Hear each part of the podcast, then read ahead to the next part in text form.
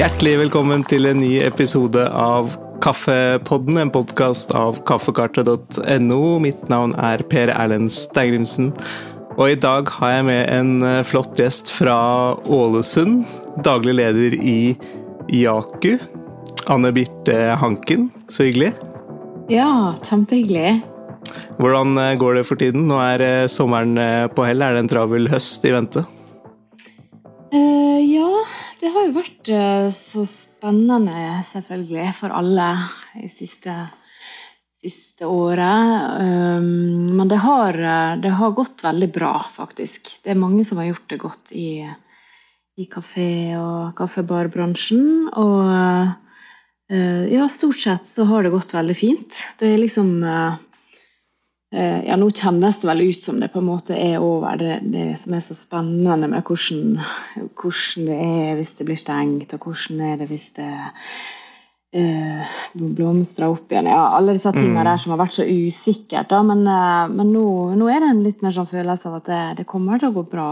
Vi finner ut av det, og, og kaffebarene finner ut av det Mm. etter en avis, liksom. Mm. Ja, For å ta en uh, koronaoppdatering, så har jo dere klart dere ganske greit. Det har vært veldig forskjellig hvordan uh, også spesielt kaffebarene har, uh, har greid seg. Men hvordan er ditt inntrykk av kaffebrenneriene gjennom korona?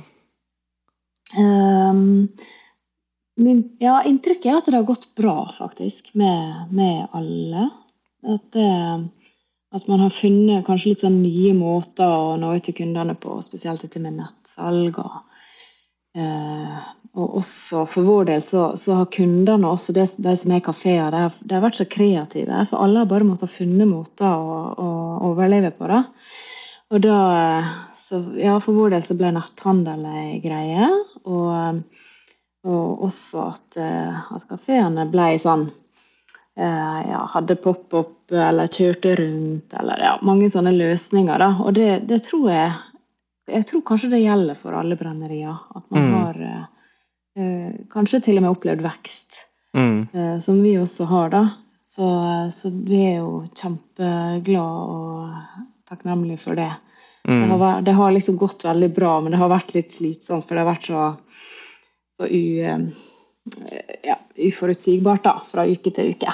Mm. Ja, så bra. Man har jo sett flere kaffebarer hvor de har eh, drevet og kjørt hjem til folk og eh, mm. eh, virkelig kommet hjem til folk som ikke har hatt muligheten til å Kanskje vært i isolering og eh, mm. måtte være mm. hjemme. Og da er det jo flere som har begynt med kanskje hjemme med å brygge hjemme og eh, ja. litt, litt håndbrygg og Mm. Så ja. Eh, det er nok helt ja. garantert flere som har solgt eh, mer også enn mm. enn ja, før. Da. Jeg tror nok vi var litt sånn på den bølga der av at folk ville unne seg litt ekstra. For det har jo gått veldig bra med alt sånn lokalmat og sånne type ting. Mm. Så der var jo sikkert også god kaffe en del av det bildet der, da. For dere var ikke så mye på, eh, på nettbutikk og selge kaffe før?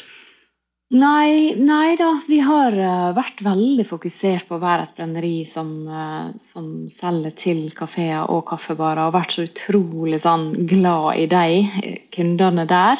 Mm. Og, eh, og, ja, på en måte uh, gjort mye som gjør at vi skal være en god leverandør. et brenneri som, som er, står veldig sånn i ryggen på en kaffebar. ja og reise til dem. Og, fokuset har vært veldig sånn på at de skal gjøre det bra. da. Eh, så derfor så har vi liksom ikke vært eh, motivert eller eh, kjent at vi har lyst til å, å gå ut på nett og liksom satse veldig på det med å selge direkte til kunder. da. Det har på en måte ikke vært tid eller fokus på det. Mm. Og så um, så har jo Det, det har nå bare vokst seg frem, og veldig mange har sagt det. og Går det an å abonnere med dere? Går det an å kjøpe direkte fra Jakke? Og sånn. Og så har ikke vi hatt sånn kjempegode system for det, da. Mm. Med nettbutikk og sånn. Um, men da, i mars der i 2020, så var det akkurat som det var nesten på dagen. sånn, Greit, nå faktisk er det tid for å, for å få litt uh, ordnings på det å kunne sende ut direkte til kunder. da, Ha en mm. handel som fungerer godt.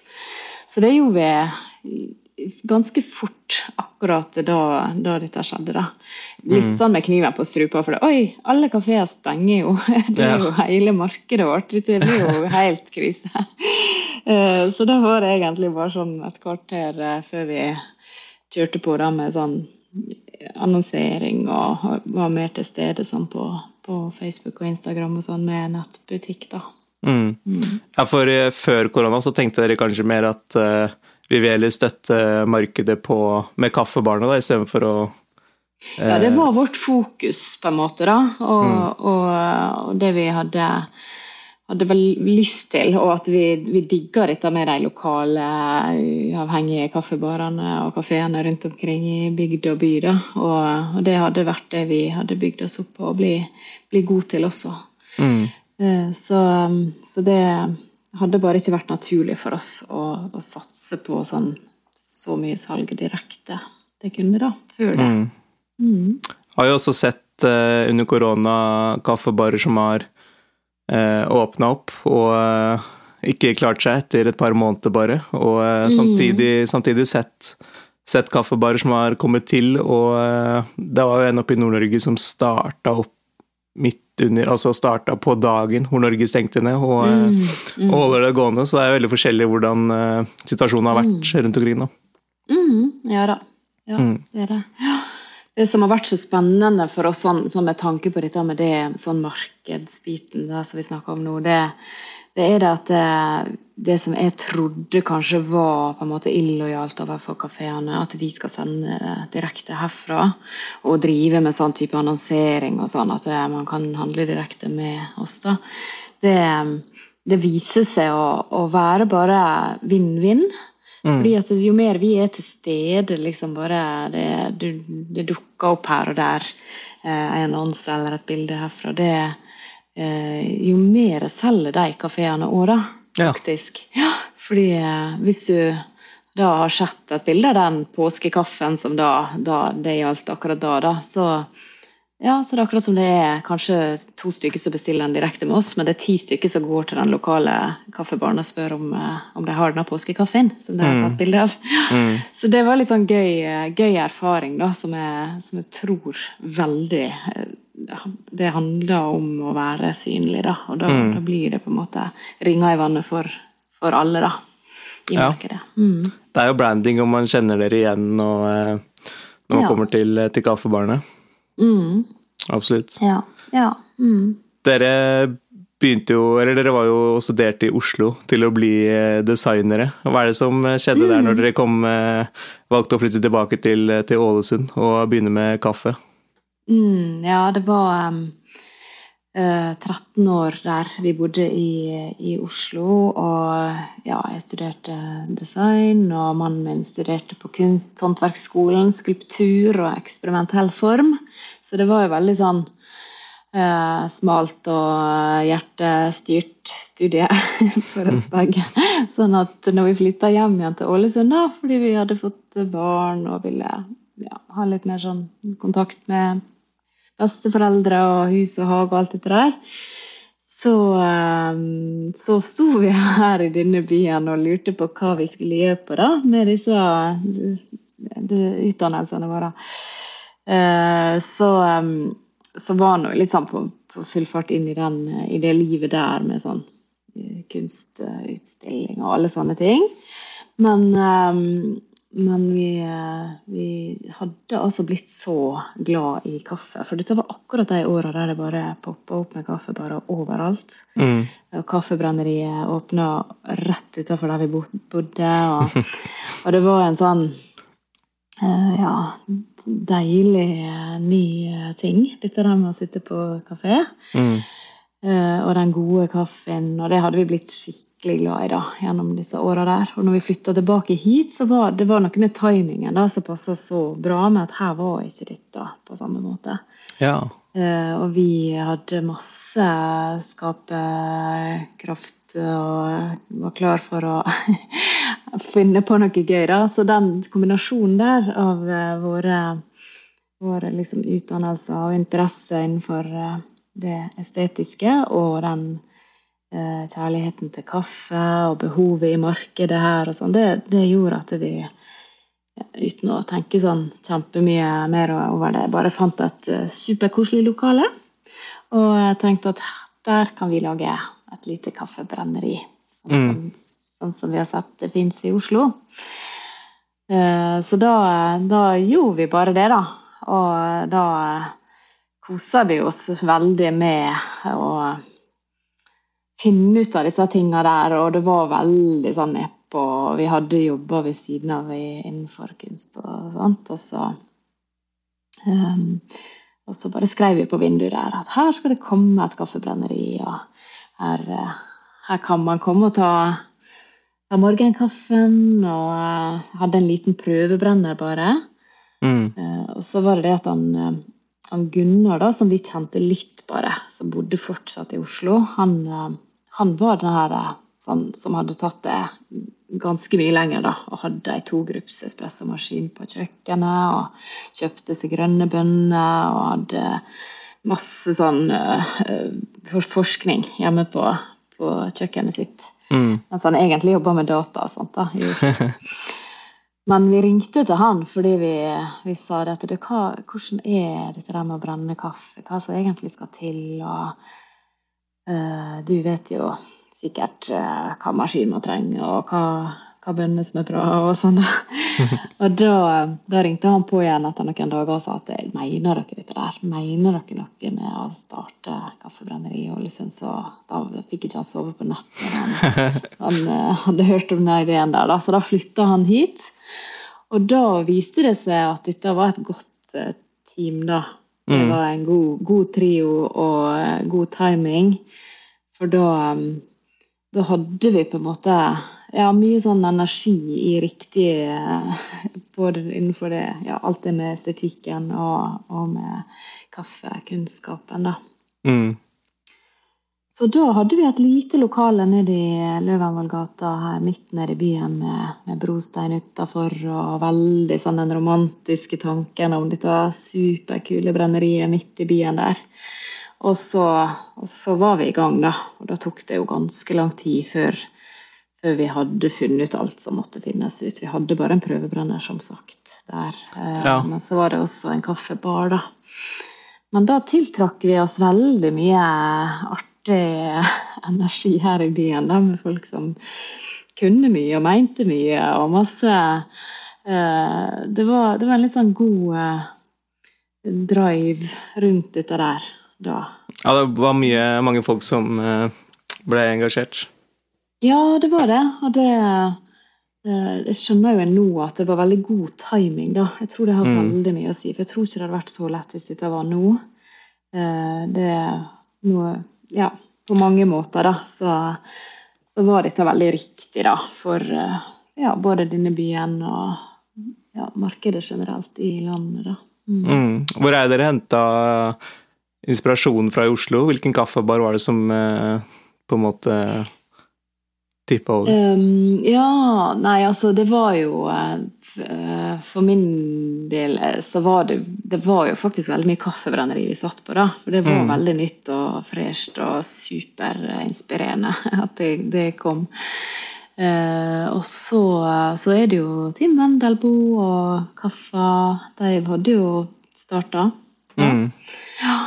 Eh, så vi hadde jo sett at det, det gikk an, og at det var super, superbra. Mm. Og, og, også selvfølgelig i Coffee Collective i København. Og, ja. ja. Og også noen sånne reis Eller ja, i hvert fall en tur til, eh, til USA og et kaffebrenneri som heter Jeg husker ikke helt hva det heter, Brooklyn Roastery Company, eller et eller annet sånt. da. Så det var veldig sånn rått. Veldig sånn eh, eh, fabrikk eh, og bråkete og litt småshabby, egentlig, da. Men, eh, men sånne type opplevelser hadde vi med oss, da. Som gjorde at mm. vi hadde eh, var veldig inspirert til å få til dette der, da. Mm. Mm. Men dere begynte med en, eh, en liten sånn sample roaster? Sånn à la én kilos brenner? Ja, ja da. Så det mm. var det, Jeg tror det nesten var et år i det lokalet der midt i byen der. Mm. Der det var den, og så var det masse, masse prøver. og og, og, også ei sånn eh, togrupps La Marzocco-maskin og, og, håndbrygg, da, som var mm. veldig nytt da.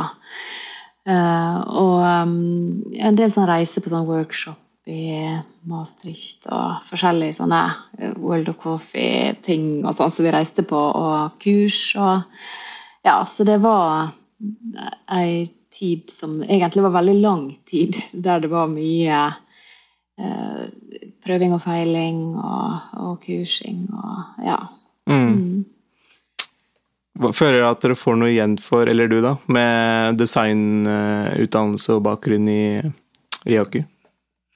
Absolutt, for det, det har blitt veldig sånn bakt inn i det. da. For vår del så har det vært uh, Vi kom jo fra det livet der det var uh, en sånn null sånn markedsforståelse, da. Skjønte jo ingenting om hvor mye man faktisk må selge for at dette skal gå i pluss og sånn. Fordi vi, vi hadde, var vant til å bare tenke hvis du skal gjøre et, eh, et kunstprosjekt, så, så, koster det 20 eh, 000 i utstyr og, og, materiale og sånn og sånn, og så kommer det kanskje 100 stykker på den utstillinga. Så, så, er det mm. liksom Så det, det, var sånn vi hadde holdt på. Eh, så når vi da Å, dette lokalet koster bare 6000 i måneden. Det, å, det Ja, det, det var liksom en sånn veldig naiv eh, tilnærming, da. På å mm. bare ha lyst til å gjøre noe veldig, veldig sånn eh, deilig, vakkert, eh, gøy forbi byen. mm. uh, Ja.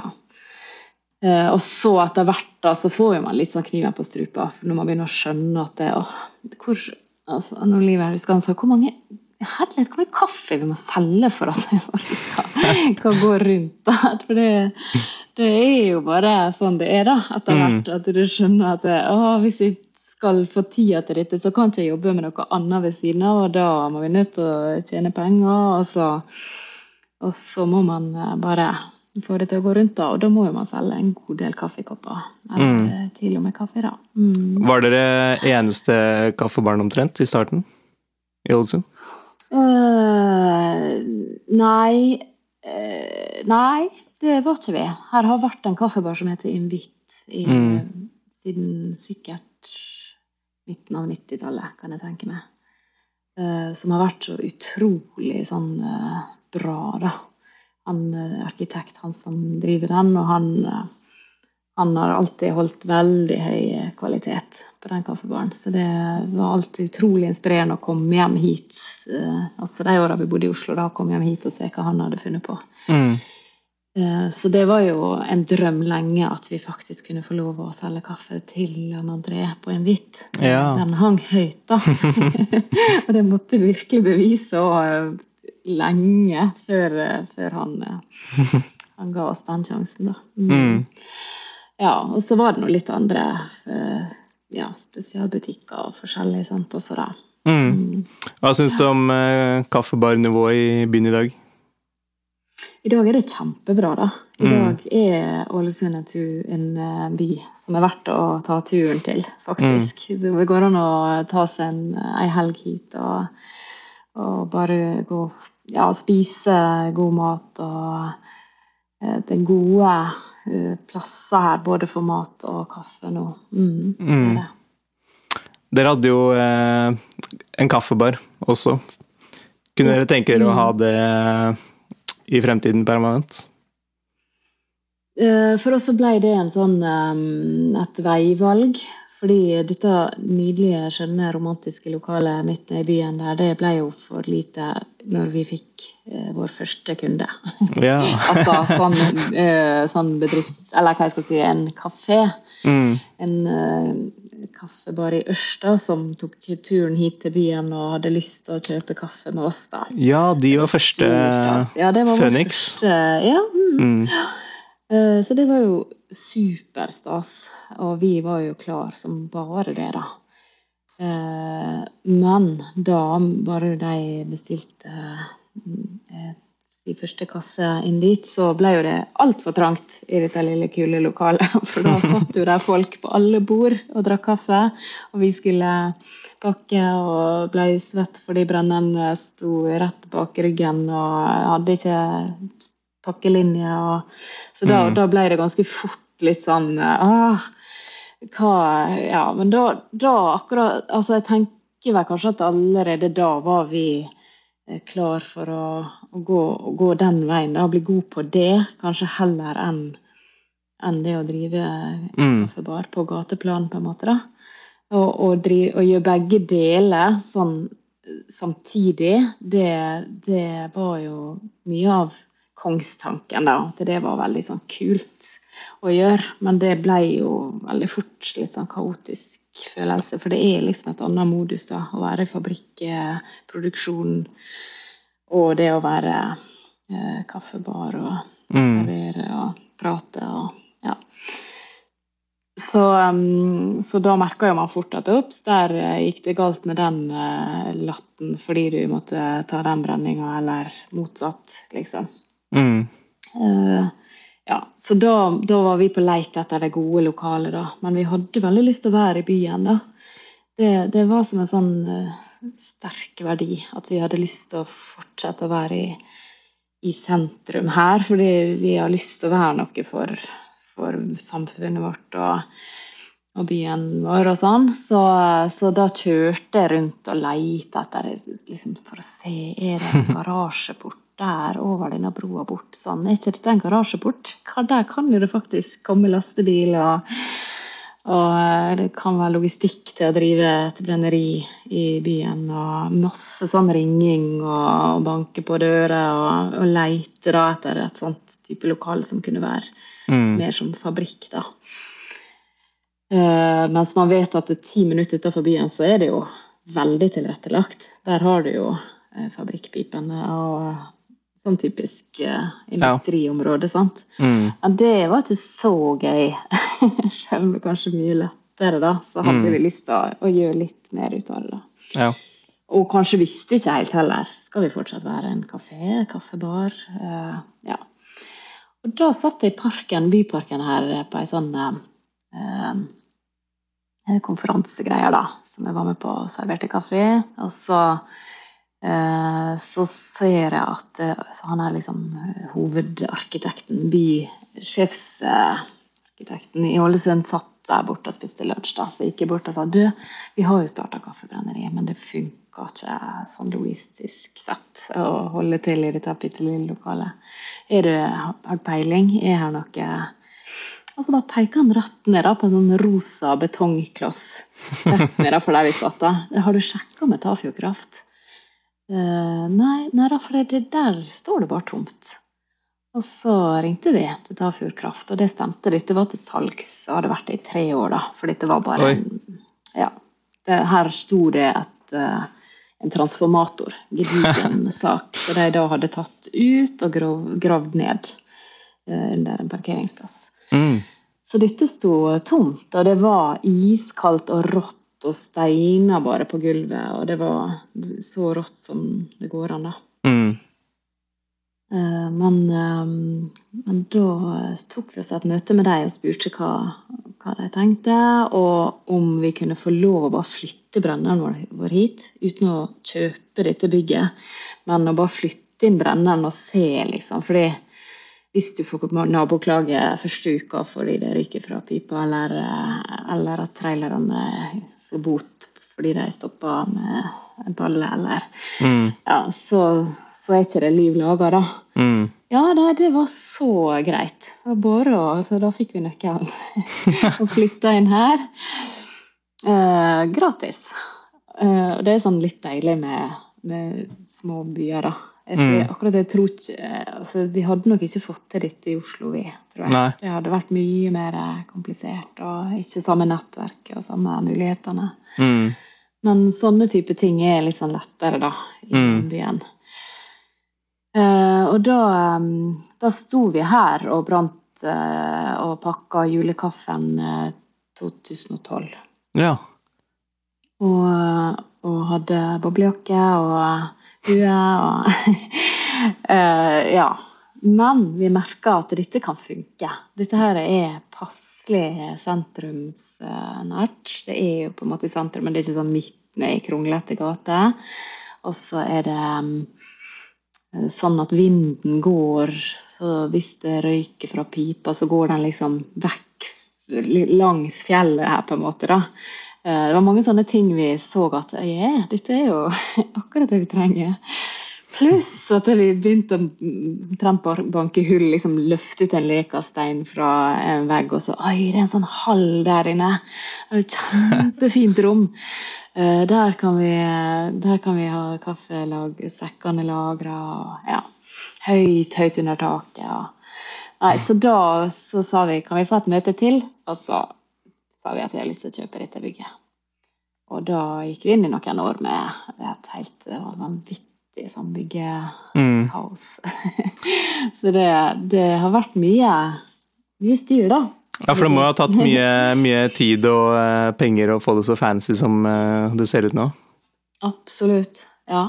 Og det er litt samme den uh, naiviteten som har fulgt oss hele veien. da, At, det, at ja, vi bare syns det er gøy og viktig at det er fint, og, mm. og så bare gjør vi det, på en måte. Så, mm. Og så må man bare stå i det og, så, og selge nok kaffe til at det går rundt, da. Mm. Utrolig fancy lokale. Og så har dere jo hatt uh, mulighet for å komme uh, på besøk der på, uh, på somrene, med litt sommeråpen løsning. Mm. Ja da, for da ble det sånn, litt sånn identitetskrise. da, For de som var vant til å ta morgenkaffen sin nede i byen, de spurte når det åpner, når dere er klare, når For det for dem så var Jaku eh, det, det, stedet, da. Mm. Der du gikk og, og, møttes og tok en kaffe. Og, og da kjente vi at eh, hem, ja, ja, godt spørsmål. Når åpna vi for det? Eh, det er kanskje ikke det vi har eh, så lyst eller energi til akkurat nå. Mm. Uh, og heller ikke Det er jo ingen storby på den måten at det står kø. Uh, det er ikke sånn. Mm. Uh, fordi at Ja, her bor ikke så mange folk da, i byen og sånn. Mm. Så, så, da vet man at det er mye jobb for lite salg, egentlig, ja. da. Men samtidig så var det jo kjempeviktig for oss, og vi hadde jo valgt å være i byen. Så det er jo heller ikke vits at her bare er låst og, og totalt utilgjengelig. sånn sett. Så, så, da tenkte vi OK, hva om det åpent hver fredag, da? For da har vi ikke så mye å gjøre i produksjon. Så det gjorde vi lenge, da. Mm. Hver fredag klokka ti så, så, var det åpent. Og vi tok på oss eh, forkle og, og ekstra kul capser.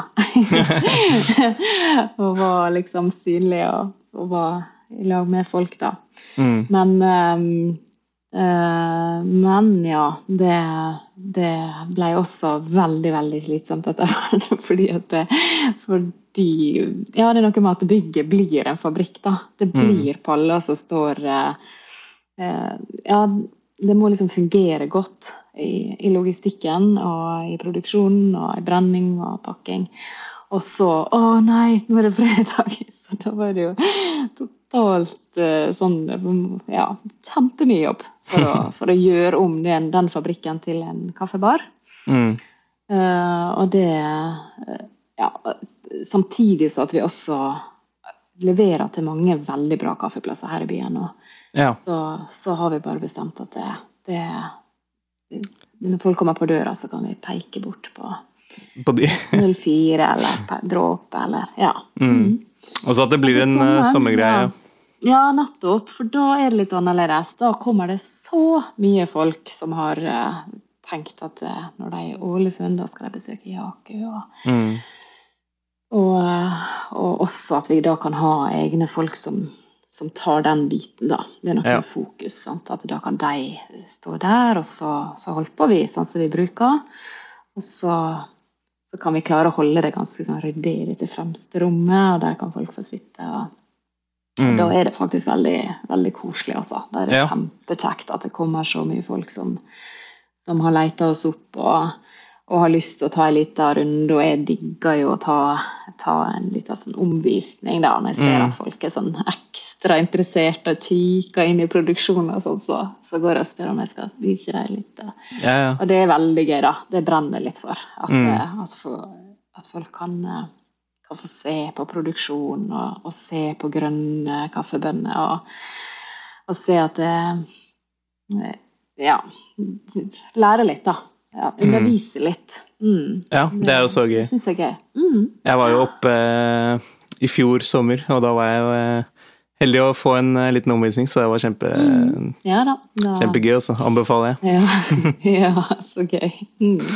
Men det er jo dere har holdt på i rundt ti år der nå. Er det sånn at dere mm. tenker at kanskje i fremtiden så åpner dere kaffebar igjen? Mm, jeg skal jo ikke si uh, at vi ikke gjør det, men uh, det, det, er liksom ikke det som står på lista mi, da. For det blir mm. mer og mer på lista av, av, andre ting etter hvert som man liksom vokser og, og ja, foredler brenneridrifta, på en måte. Mm.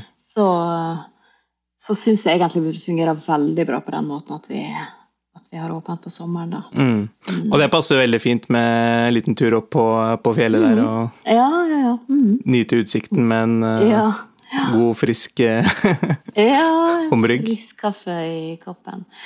Ja, nei, for uh, det har jo vi også Det har gått opp for oss nå, på en måte, at oi, denne beliggenheten er jo helt vanvittig, faktisk. Det mm. som vi tenkte var sånn litt utafor sentrum og litt sånn det, det, er veldig sentralt i forhold til sånn type uh, turisme, i hvert fall. Mm -hmm. Fordi denne trappene opp på det fjellet med utsikt og sånn, det, det, begynner på en måte mm. her.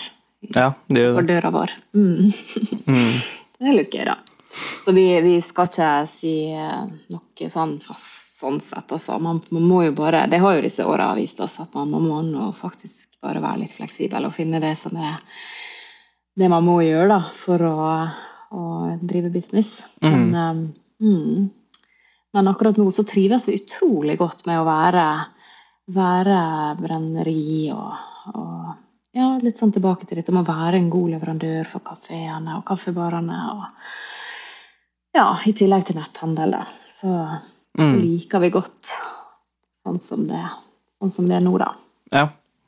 Hvordan er eh, kaffebarmarkedet sånn ellers i eh, den, eh, den, landsdelen, hvis man er på en eh, kjøretur og uh, Nevnte jo uh, Phoenix i, i Ørsta. Er det noen andre mm. kaffebarer du vil trekke frem? Uh? ja. Det er mye spennende og gøy. For uh, Sørdalhuset på Åndalsnes, f.eks., de har også holdt på i nesten ti år. Liten, skjønn plass med eh, mye sånn Det er egentlig tre kunsthåndverkere som starta det. Så det skulle være verksted, remmer og, og, litt sånn servering av håndbrygg og, og lokalskinke og sånt. da. Men mm. så har det nok tatt mer og mer Der, der er det veldig mange som tar turen, da. Så, så, jeg tror ikke de har tid å drive så mye med kunsten sin. Men um, det anbefaler jeg å stikke innom en tur. Mm. Sørdal, Sørdalhuset i Åndalsnes. Mm. Um, og så Valldalen, der er det han som ble uh, kretsmester her i, i klassisk baristakunst. Han kommer egentlig fra Sør-Afrika, men han har gifta seg med ei fra Valldalen. Og det, der er det jo så fint, da. Det, hvis du skal til Geiranger, så, ja. så, er du på en måte nesten i Valldalen. Mm. Uh, og så han har et lite sted på kaia der. Det, det er veldig sjarmerende sted, det også. Uh, og så i Geiranger er det jo flere som mm. driver på og kjøper kaffe herfra. Og um, um, ja, Ørstaja og Ulsteinvik. Ja, det er, det er faktisk litt gøye plasser. Mm. Jeg syns det, det, er så artig med disse sånne type ja. Eh, frittstående. Og det er så mye sånn energi og ild, ildsjeler da, på mm. sånne plasser. Mm. Jeg syns det er veldig gøy å komme over steder du ikke kunne tenkt at her var det en mm. kaffebar, liksom. -hmm. Det, det, er veldig gøy. Så da er det noen som har jobba mye og, og, drømt lenge og, mm. og tenkt og planlagt og, og driver på, da. Mm. Så det, mm. det, er artig. Sånn Molde og Kristiansund og oppover der, er det noen bra kaffebyer? Um, ja, det er I Molde så er det uh, et bakeri som heter Folegodt. Uh, som er absolutt verdt å besøke. Og um, der er en sånn kaffebutikk også i Molde som har holdt på. Uh, jeg vet egentlig så godt hva det heter, men jeg, jeg klarer ikke å komme på det nå. Men, så der er på en måte to plasser i Molde. Mm.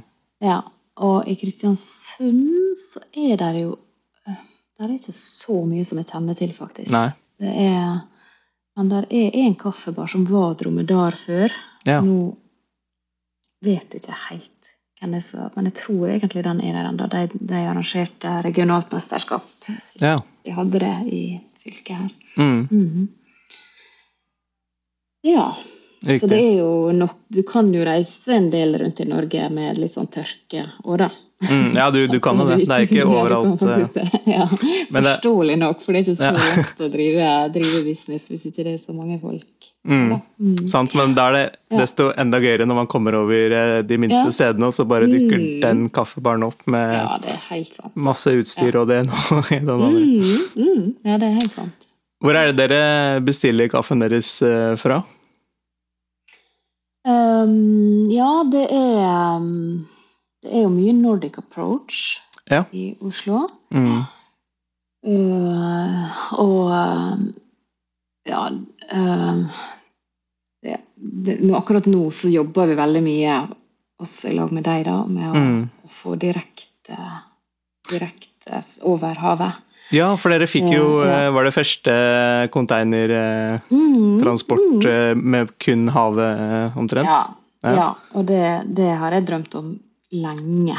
Fordi jeg har visst at her i byen så, så har vi lang tradisjon for det. Fordi mm. vi eksporterer så mye klippfisk fra havna her. Og det går til Brasil. Mye. Mm. mm. Og da, da Jeg har bare lest litt det har dukket dukka opp litt sånn historie og, og sånt om at, det, at da, da, kom det kaffe tilbake på samme skipa. Mm. Uh, og at det kom til havna her og blir, har blitt kjørt mye herfra rundt i landet herfra. Da. Det er jo to minutter herfra. Ja. Så det har jeg tenkt Hvorfor skal vi få uh, da kaffesekker som blir Jeg vet jeg kommer i havn i, i Belgia, f.eks. i Antwerpen. Sant? Mm. Så skal de til Oslo, og så skal de hit. Uh, hvorfor ikke bare få det direkte på havna her igjen, sånn som før? Mm. Um, uh, men da har jo vi måttet vokst nok til at det er meningsfullt, da. Mm. Å ta en hel container fra Brasil, f.eks. Uh, så det har ikke vi vært store nok til, da. Men i ja, nå siste par åra så har vi på en måte tenkt Nei, nå tror jeg nesten at det er det. Ja. Og da er det jo kjempeflinke folk, da, i f.eks. Nordic Approach-gjengen, mm. som, som, er løsningsorientert og skjønner greia. Sant? Og så, så, har vi gjort det da i lag med deg, med veldig sånn tett kontakt med den Farmen og FaceTime, og, og liksom fulgt det veldig tett, da. Um, høsten og ja, at det gikk på på kaia der og sånn. Så det var, mm. det var supergøy, da. Å ja. få, og, så følge den der prikken på kartet, for da, da, visste vi hva båt han var på. Så, mm. så han kom hit til havna, da, så måtte selvfølgelig tipse lokalavisa vår om at nå skjer noe som er litt sånn historisk. Og det syns jeg jo var kjempegøy. Så vi var jo der tidlig på morgenen med sånn, sånn uh, kamera med kjempelinse for å følge båten når han kom til kaia, og hva container er det? uh, og få klippe opp denne der forseglinga, altså for da er det, det er litt sånn big deal med det. da, Og mm. åpne at alt er godkjent og sånn. Og så, ja da, så da var jeg på kaia med lokalpresse. Og, og der inne lå de nydelige stabler, og, og de på kaia der òg, som er veldig vant til å ta imot alt mulig, selvfølgelig. Det er ikke mm. noe big deal for den gjengen der å ta imot en container. da. Mm. Uh, så de også Å, dette var veldig fint. Det var liksom hengt opp sånne sånn som skulle kontrollere fukt og, ah. og, det var så nydelig arbeid da, fra mm. disse jeg hadde drivet vært i kontakt med i Brasil. så det var, det var, skikkelig gøy, og det har jeg lyst til å gjøre mer av. Og nå mm. er det også en container fra Peru på vei. Ah, så spennende. Cirka midt på at i Atlanterhavet. ja, det er kjempespennende. Jeg er veldig sånn, gira på dette der. Fordi det er meningsfullt på mange måter, da. Og, mm å få til det. Mm. Så fram til nå så har det vært eh, mest til eh, lageret i Belgia, havna ja. der, og så har det blitt sendt med trailere, da, rett og slett? Mm. Det er sånn det fungerer. Mm. mm det er det.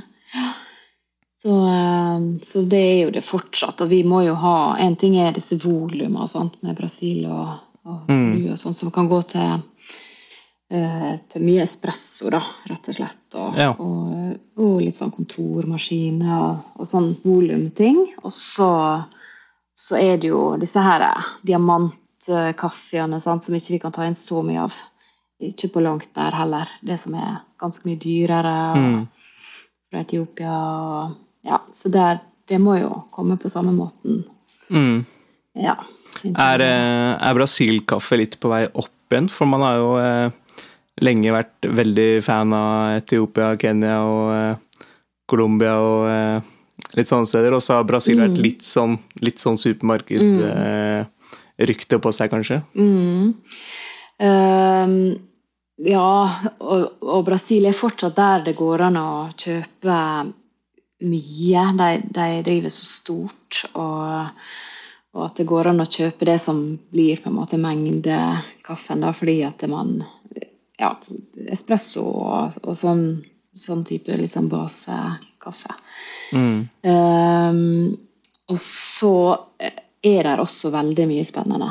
Sånn så hvis vi, Når vi tar en container fra Brasil, så er det en litt sånn plain som er mye av uh, i den containeren. Men så er det også veldig gøy å, å kjøpe en god del sekker med uh, det som er kanskje mer sånn smykke ikke på den gården, da.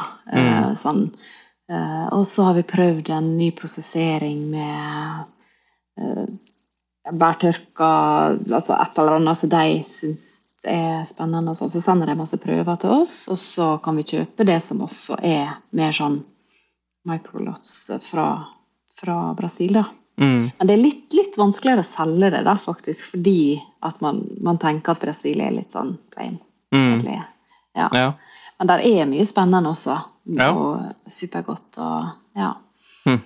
Så um, ja. Brasil og Nå har det jo vært frost i Brasil, så det har vært, det har vært litt sånn spennende tider nå. Fordi, ah, ja. Ja, fordi det, det påvirker veldig kaffemarkedet. Da. Mm. Og det gjorde også at all kaffe ble veldig mye dyrere. Alt i i også Colombia og Peru, da, fordi at det ble mindre kaffe tilgjengelig. Mm. Og dette med konteinermangel og, og litt sånn problem med å klare å få plass på skipa. Så det har vært litt sånn shaky tider der man For første gang kanskje at vi har kjent på at det, Oi, dette det er litt sånn det er litt spennende. Det, vi skal ikke bare ta for gitt at vi får tak i god kaffe hele tida. Det, mm. det, har vi kanskje gjort. Men uh, men nå har vi kjent litt på det at å, prisene kan gå mye opp, og, og, det kan være vanskelig å få tak i rett og slett det mm. man har lyst til å få tak i. da. Ja. Mm. ja. Det har vært litt sånn siste måned, månedene mm. Det har vært mye snakk om det, da. Ja. Dere hadde en veldig god eh, kaffe, Finca el Peraiso, mm. fra Colombia. Mm. Eh, den hadde det ganske lenge, egentlig. Mm. Og den er kanskje den uh, hvor jeg har smakt som er bare helt Hvor én smak spesielt er veldig tydelig, da. Mm. Med, med fersken. Ja. Ja. Den er det er sånn, uh, Ja, den uh, Det er sånn typisk veldig dyr og spesiell liten sånn forskningslott fra en bonde i Colombia. Mm. Um, så ja.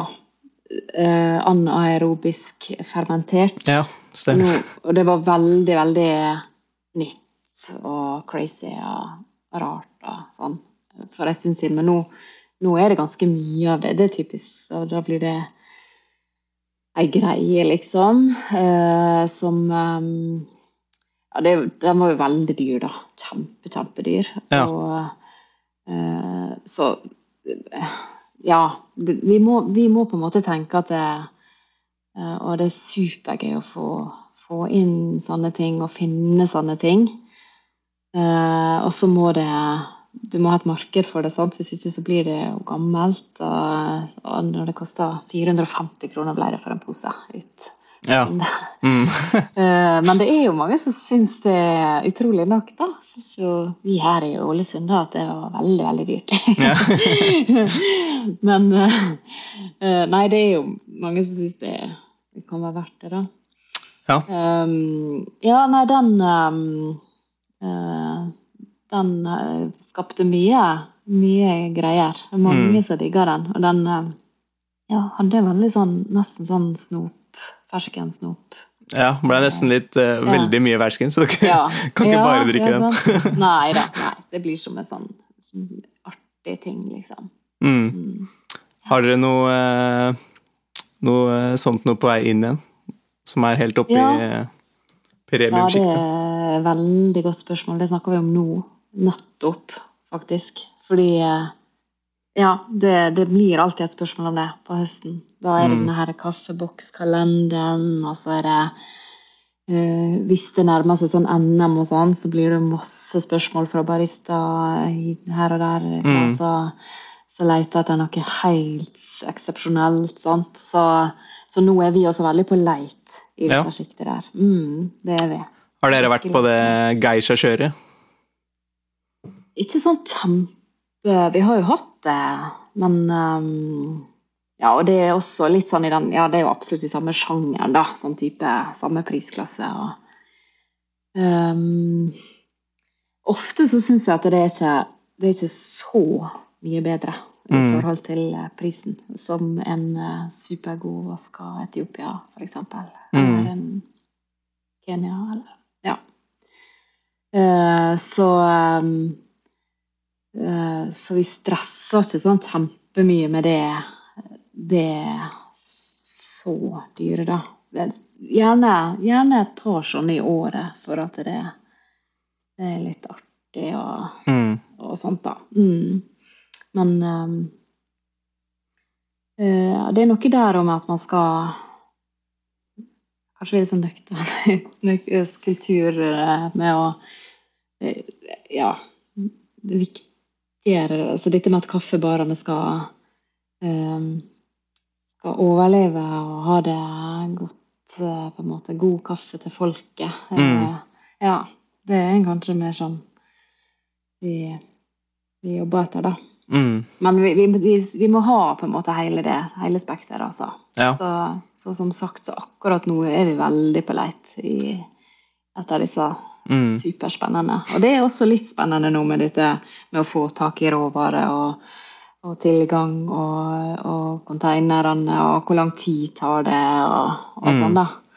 Ja. Eh, så der er jo timing viktig. Så hvis ja. vi får Vi må liksom ha det til jul. Så, så, det er eh, ofte et resultat av uh, baristaer som spør til konkurranser og til julekaffe og sånne ting, da, med de helt beste kaffene der? Ja, ja da. Det er litt sånn som presser seg frem med, med mye etterspørsel fra Ja, i denne tida der når det er mye sånn konkurransefokus på, på det, og øh, Ja, at, at geekene kommer våkne opp og mm. Ja. Ja, men det er jo veldig gøy, altså. Det er supergøy. Så det er jo litt viktig å holde på med disse tingene der sånn i, i hverdagen, da. For det er jo ja, litt sånn krydder.